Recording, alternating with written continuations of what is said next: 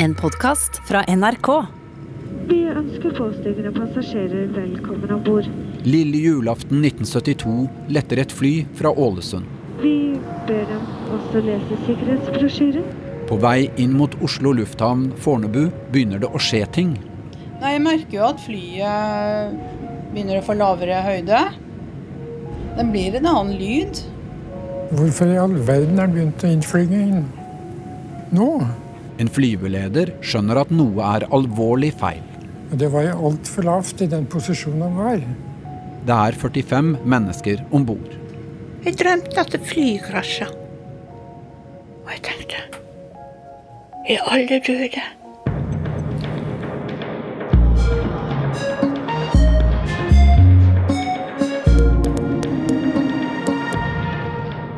Du hører hele historien, flystyrten i Asker av Hege Omre.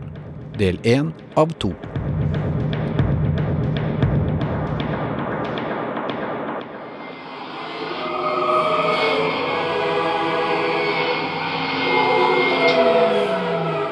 Venta da besøk av, av eh, familien min. Mor, far og søster og bror. Som skulle komme og feire jul med oss.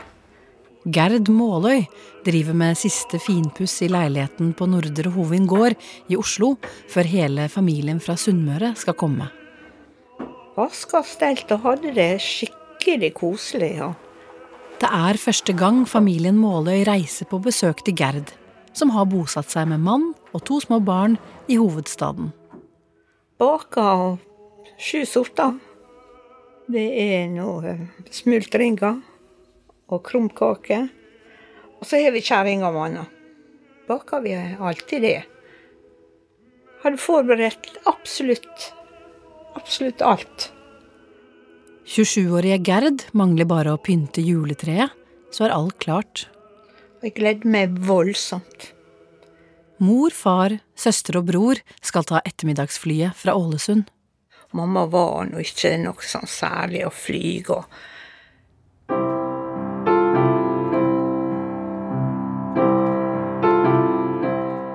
Det var en slags lunsj da, for hele avdelingen. Ellen Kvan skal reise med det samme Bråten Safe-flyet, som har avgang i firetida. 25-åringen får med seg juleavslutningen på sykehuset i Ålesund, der hun jobber. En av kollegaene spiller piano. Også hun skal til Oslo med det samme ettermiddagsflyet. På vei ut til Vigra flyplass bærer Ellen all bagasjen i en koffert. En sånn brun, litt eh, myk koffert. Den var tung. Så da gikk jeg gjennom sentrum, gatelangs, og sleit med den kofferten. Radiomasten på Vigra blir et flott kjenningsmerke for den nye flyplassen ved Ålesund. I 1972 er det snaut 15 år siden folk fra Ålesund og bygdene rundt strømma ut til Vigra for å være med på åpninga av den nye flyplassen. Hallo. Rutefly fra Oslo lander nå. Med disse ord eh, erklærer jeg Vigra flyplass åpnet. En tur til hovedstaden vil heretter kunne gjøres på 1 time og 20 minutter fra Vigra. Ellers bruker vi jo gjerne 13-14 timer. Vil passasjerer med blå og grønne kontrollkort vennligst ta plass om bord. Ruteflya, eller luftbussene som de også blir kalt, er svaret på jernbanen som aldri ble bygget, eller veiene som aldri kom.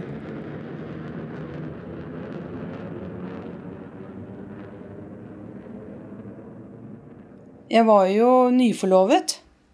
Oslo-jenta Ellen og Lars Dale fant hverandre på jobb i Molde. Jeg falt vel først for uh, venninna hennes.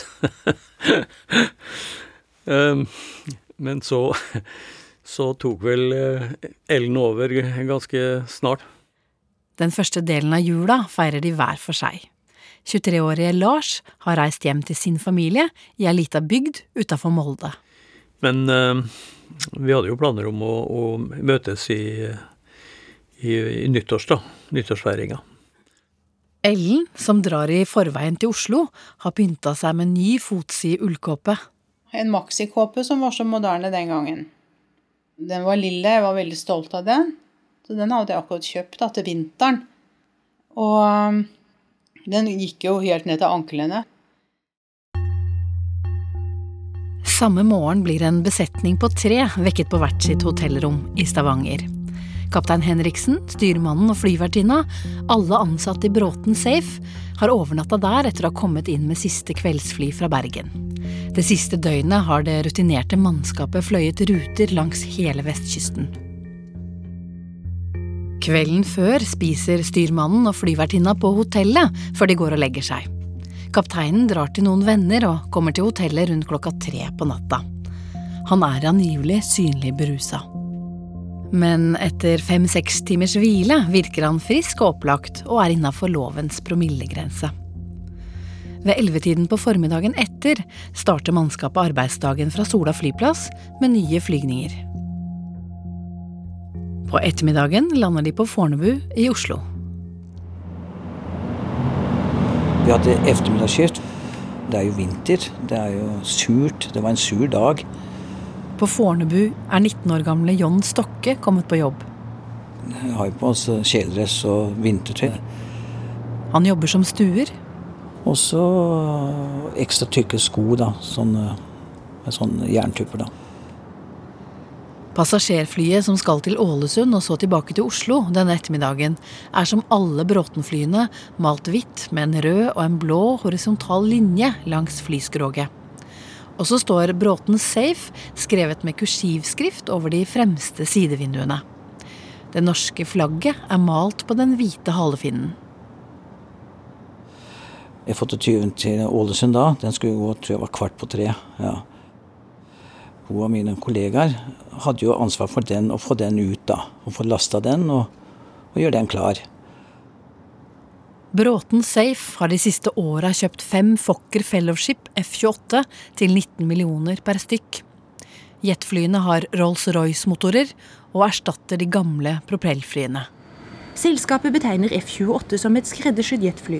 De er spesielt godt egnet for norske flyplasser og de rullebaner vi har her i landet. De nye jetflyene er betydelig raskere og reduserer flytida fra Vigra-Ålesund til Oslo til kun en drøy halvtime. Den var jo bra på innlandsruten, for han passa jo spesielt der, da. Med seteantallet sånn, 65. Den var jo rask opp og ned, den. Flygerne tror jeg likte den veldig, veldig godt. Foran i cockpit er det avansert topp moderne navigasjonsutstyr. Likevel er taleregistratoren koblet fra og ligger på et lager. Vi har eh, for det første to eh, konvensjonelle radiokompasser. I en NRK-reportasje som sendes på TV, forteller en av selskapets kapteiner om utstyret. Som eh, når de blir riktig innstilt, gir oss en automatisk peiling eh, mot radiostasjonen. Videre har vi to individuelle såkalte ILS-mottakere som vi kan koble inn på eh, presisjonsinnflyvningssystemet til en flyplass som er utstyrt med disse senderne. På tur fra Ålesund bruker pilotene radiofyrene i Drammen, Asker og Fornebu på vei mot landing. I løpet av den lille halvtimen F-28-flyet nå står parkert på Vigra, blir det fylt med over 3000 liter flybensin. Også masse julepost og smekkfulle kofferter blir lasta om bord. Hunden til familien Måløy blir også plassert i lasterommet. Det var en beagle. Han het Snoopy.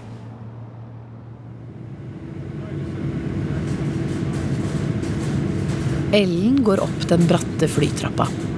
Flyvertinnen tar imot billettene. Hun er kledd i skreddersydd mørkeblå drakt med tilhørende hatt med hakebånd og hansker. Vi ønsker påstigende passasjerer velkommen om bord. Det er i alt 42 passasjerer som skal til Fornebu. Flere reiser med små babyer. Vi ber dem også lese sikkerhetsbrosjyren. Ellen går langs midtgangen og speider etter et ledig sete. Altså, vi kunne jo velge sete. Flyet er utstyrt med tre seter på den ene sida og to på den andre. Hun slår seg ned ved siden av kollegaen som spilte piano på julelunsjen. Vi satt midt i flyet ved nødutgangen. Jeg tenkte at det var det tryggeste. Vi minner om røkeforbudet som gjelder i den forreste delen av kabinen, og det er forbudt å røke på toalettet. Kaptein Henriksen i cockpit er tidligere jagerpilot fra Forsvaret og er svært erfaren. Han er utvalgt til å være den første som flyr Fokker Fellowship for Bråten. Han er i tillegg instruktør på flytypen. Det er vanlig at kapteinen og styrmannen bytter på å føre flyet.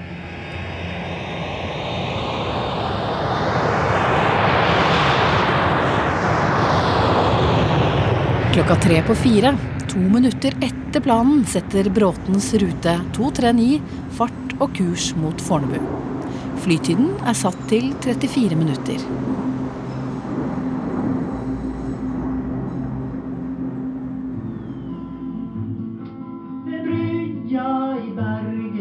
Småbarnsmor Gerd Måløy gleder seg til hjemmelaget julemat fra Vestlandet som moren hennes, Bertha, har med på reisen.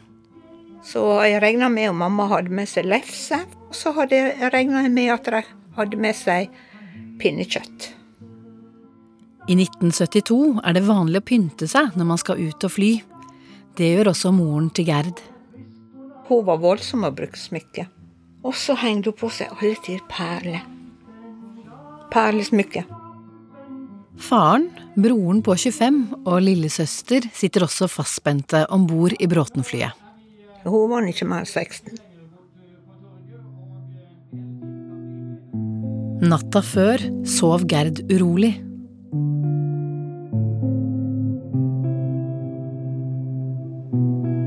Jeg drømte at flyet krasja.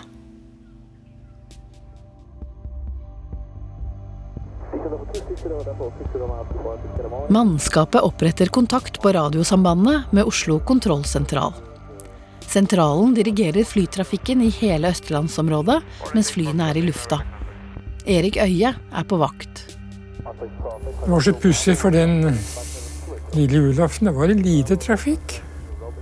Det pleide bestandig å være fryktelig mye trafikk på lille julaften, men akkurat den var stille og rolig og alt under full kontroll. Kaptein Henriksen melder på engelsk, som er arbeidsspråket, at de skal passere Fagernes 19 minutter over fire, og beregner at de skal lande på Fornebu klokka halv fem. Øyet klarerer ruten videre. Fra Fagernes skal flyet fortsette til navigasjonspunktet Rømba, nord for Drammen, før det skal dreie mot Oslo og rullebanen på Fornebu.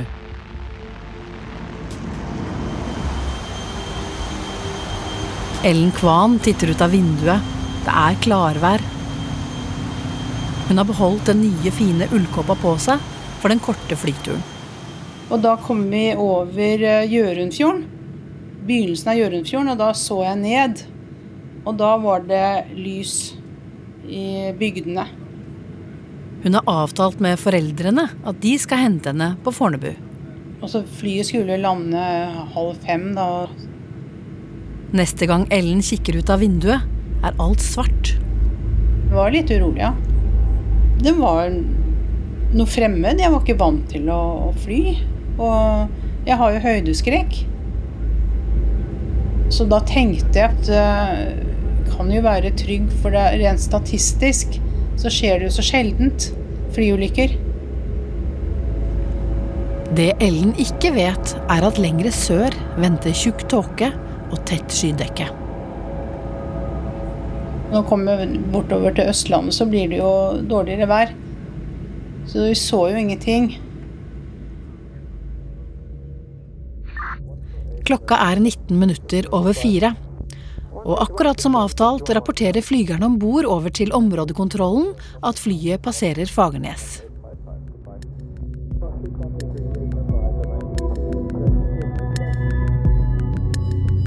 Ingen har registrert at flyet allerede ligger på en kurs fire kilometer øst for den ruta de opprinnelig skulle følge.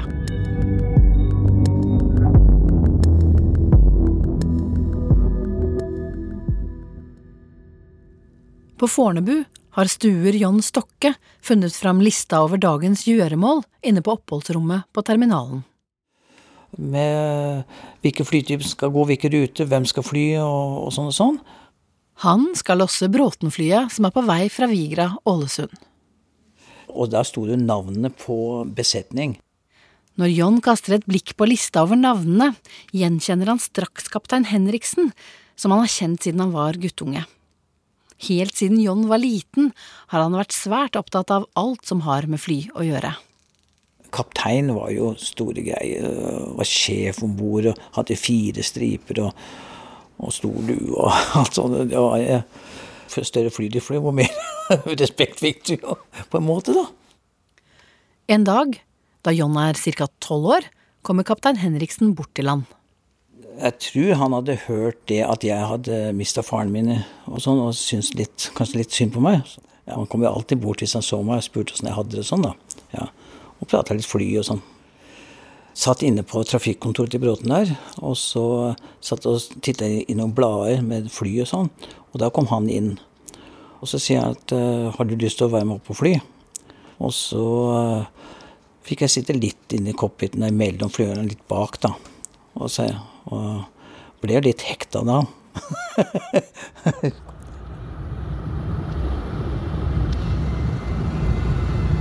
Bråtens rute 239 flyr over Begnadalen, Eggemoen og Tyrifjorden. Nå skal de nærme seg Drammen. En av radiomottakerne som skulle vært stilt inn på Aske radiofyr, er stilt inn på en annen frekvens og tar inn finsk radio, hvor de spiller tango denne lille julaften.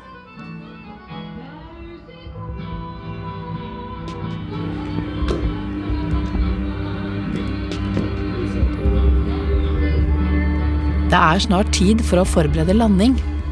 Klokka fem på halv fem ringer øyet nede fra områdekontrollen opp til flygelederne i kontrolltårnet på Fornebu. Øyet har en radarskjerm som viser tre fly. To SAS-fly som kommer fra sør, og Bråten-flyet fra Ålesund.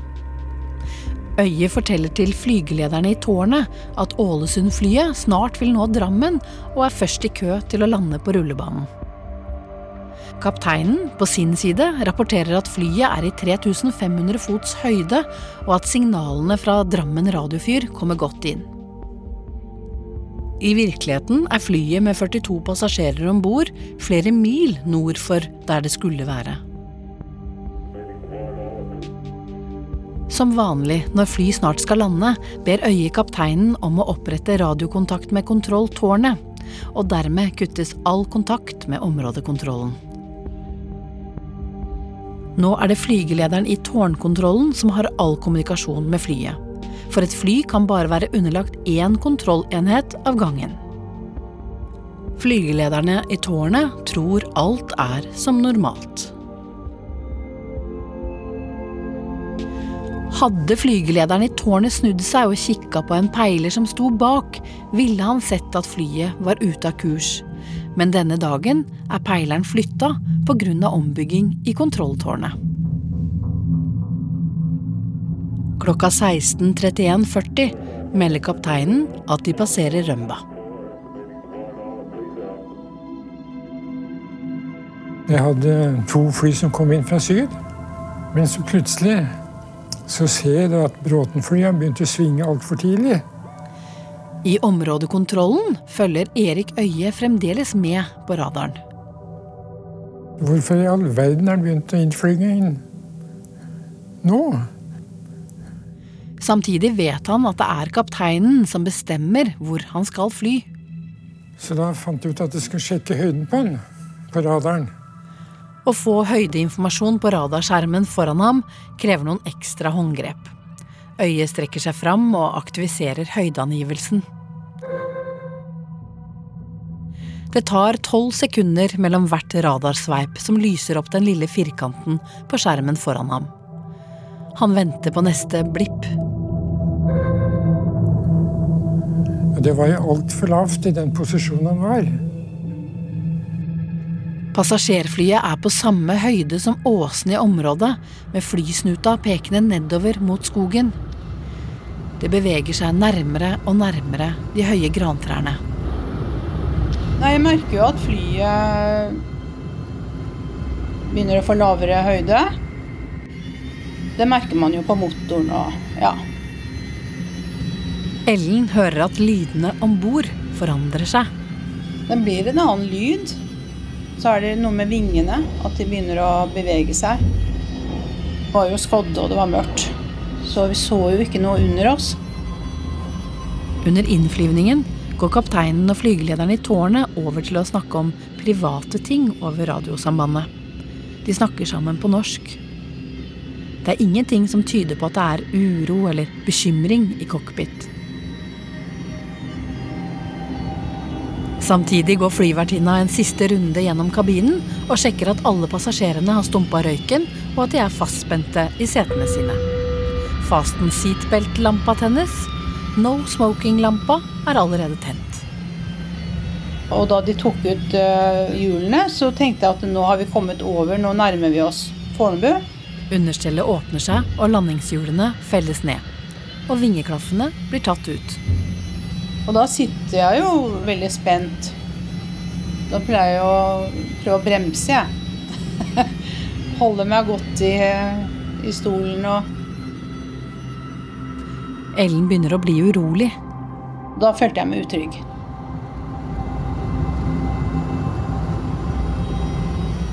Var veldig var på, på lyder. Men det var jo da jeg sa til hun ved siden av meg at uh, vi syntes dette var ekkelt.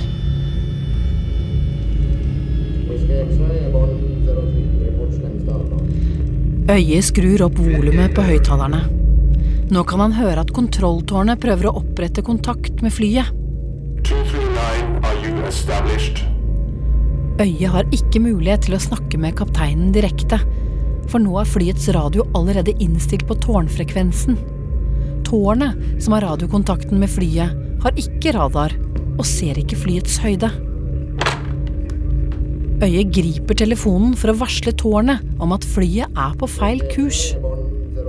Radarsignalet begynner å fade ut. Han svarer oss ikke. Da tenkte jeg faktisk at uh, nå går han i bakken.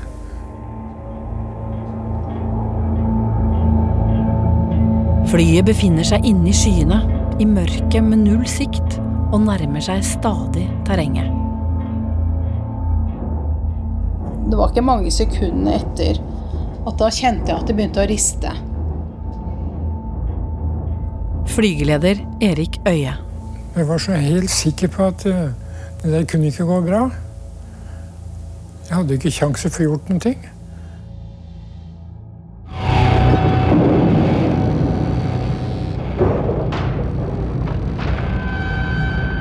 Flyet braser ned i skogen. Grantopper skjæres tvert av.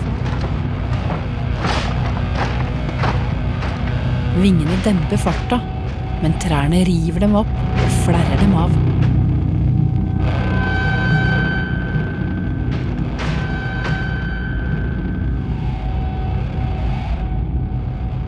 Kontrolltårnet holder tilbake to SAS-fly, som nå står i kø for landing.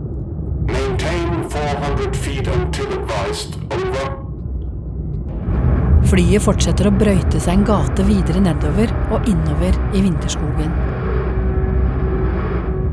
Det treffer den islagte bakken 140 meter lenger framme. Det sklir enda et stykke, over en tømmervei, og stopper. Jeg fikk i hvert fall tenkt at å, nå er vi på rullebanen. Det ble jo voldsomt rykk, og vi ble kastet rundt. Og da besvimte jeg. Nesepartiet med cockpit knuser under buken. Taket revner og åpner seg ifra cockpit og et stykke bakover.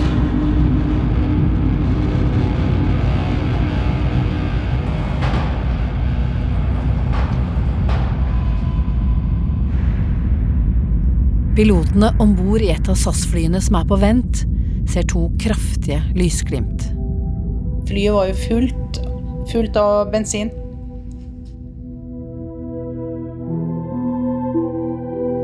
Ellen våkner fra besvimelsen. Jeg sto i et flammehav med hendene opp mot himmelen og åpen munn.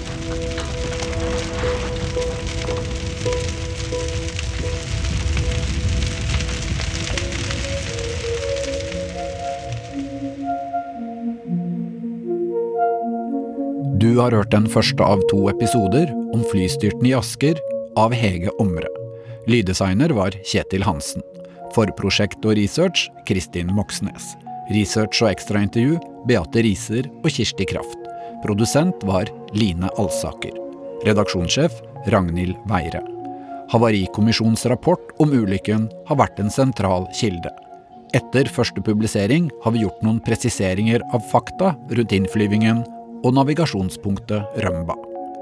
Jeg heter Kjetil Saugestad og svarer på e-post til hele historien krøllalfa nrk.no. En podkast fra NRK. If we don't clean up these elections, we should be saying goodbye to the country. Hva har skjedd med det amerikanske demokratiet? The election obviously was not stolen. Climate change is real. We can't even agree on the facts anymore. Bli med meg, Tove Bjørgaas. Og meg, Camilla Bergland, ut på tur nå rett før mellomvalget. There's a murders, shootings, drugs. Møt amerikanerne som står midt i stormen. Den amerikanske stormen hører du først i appen NRK Radio.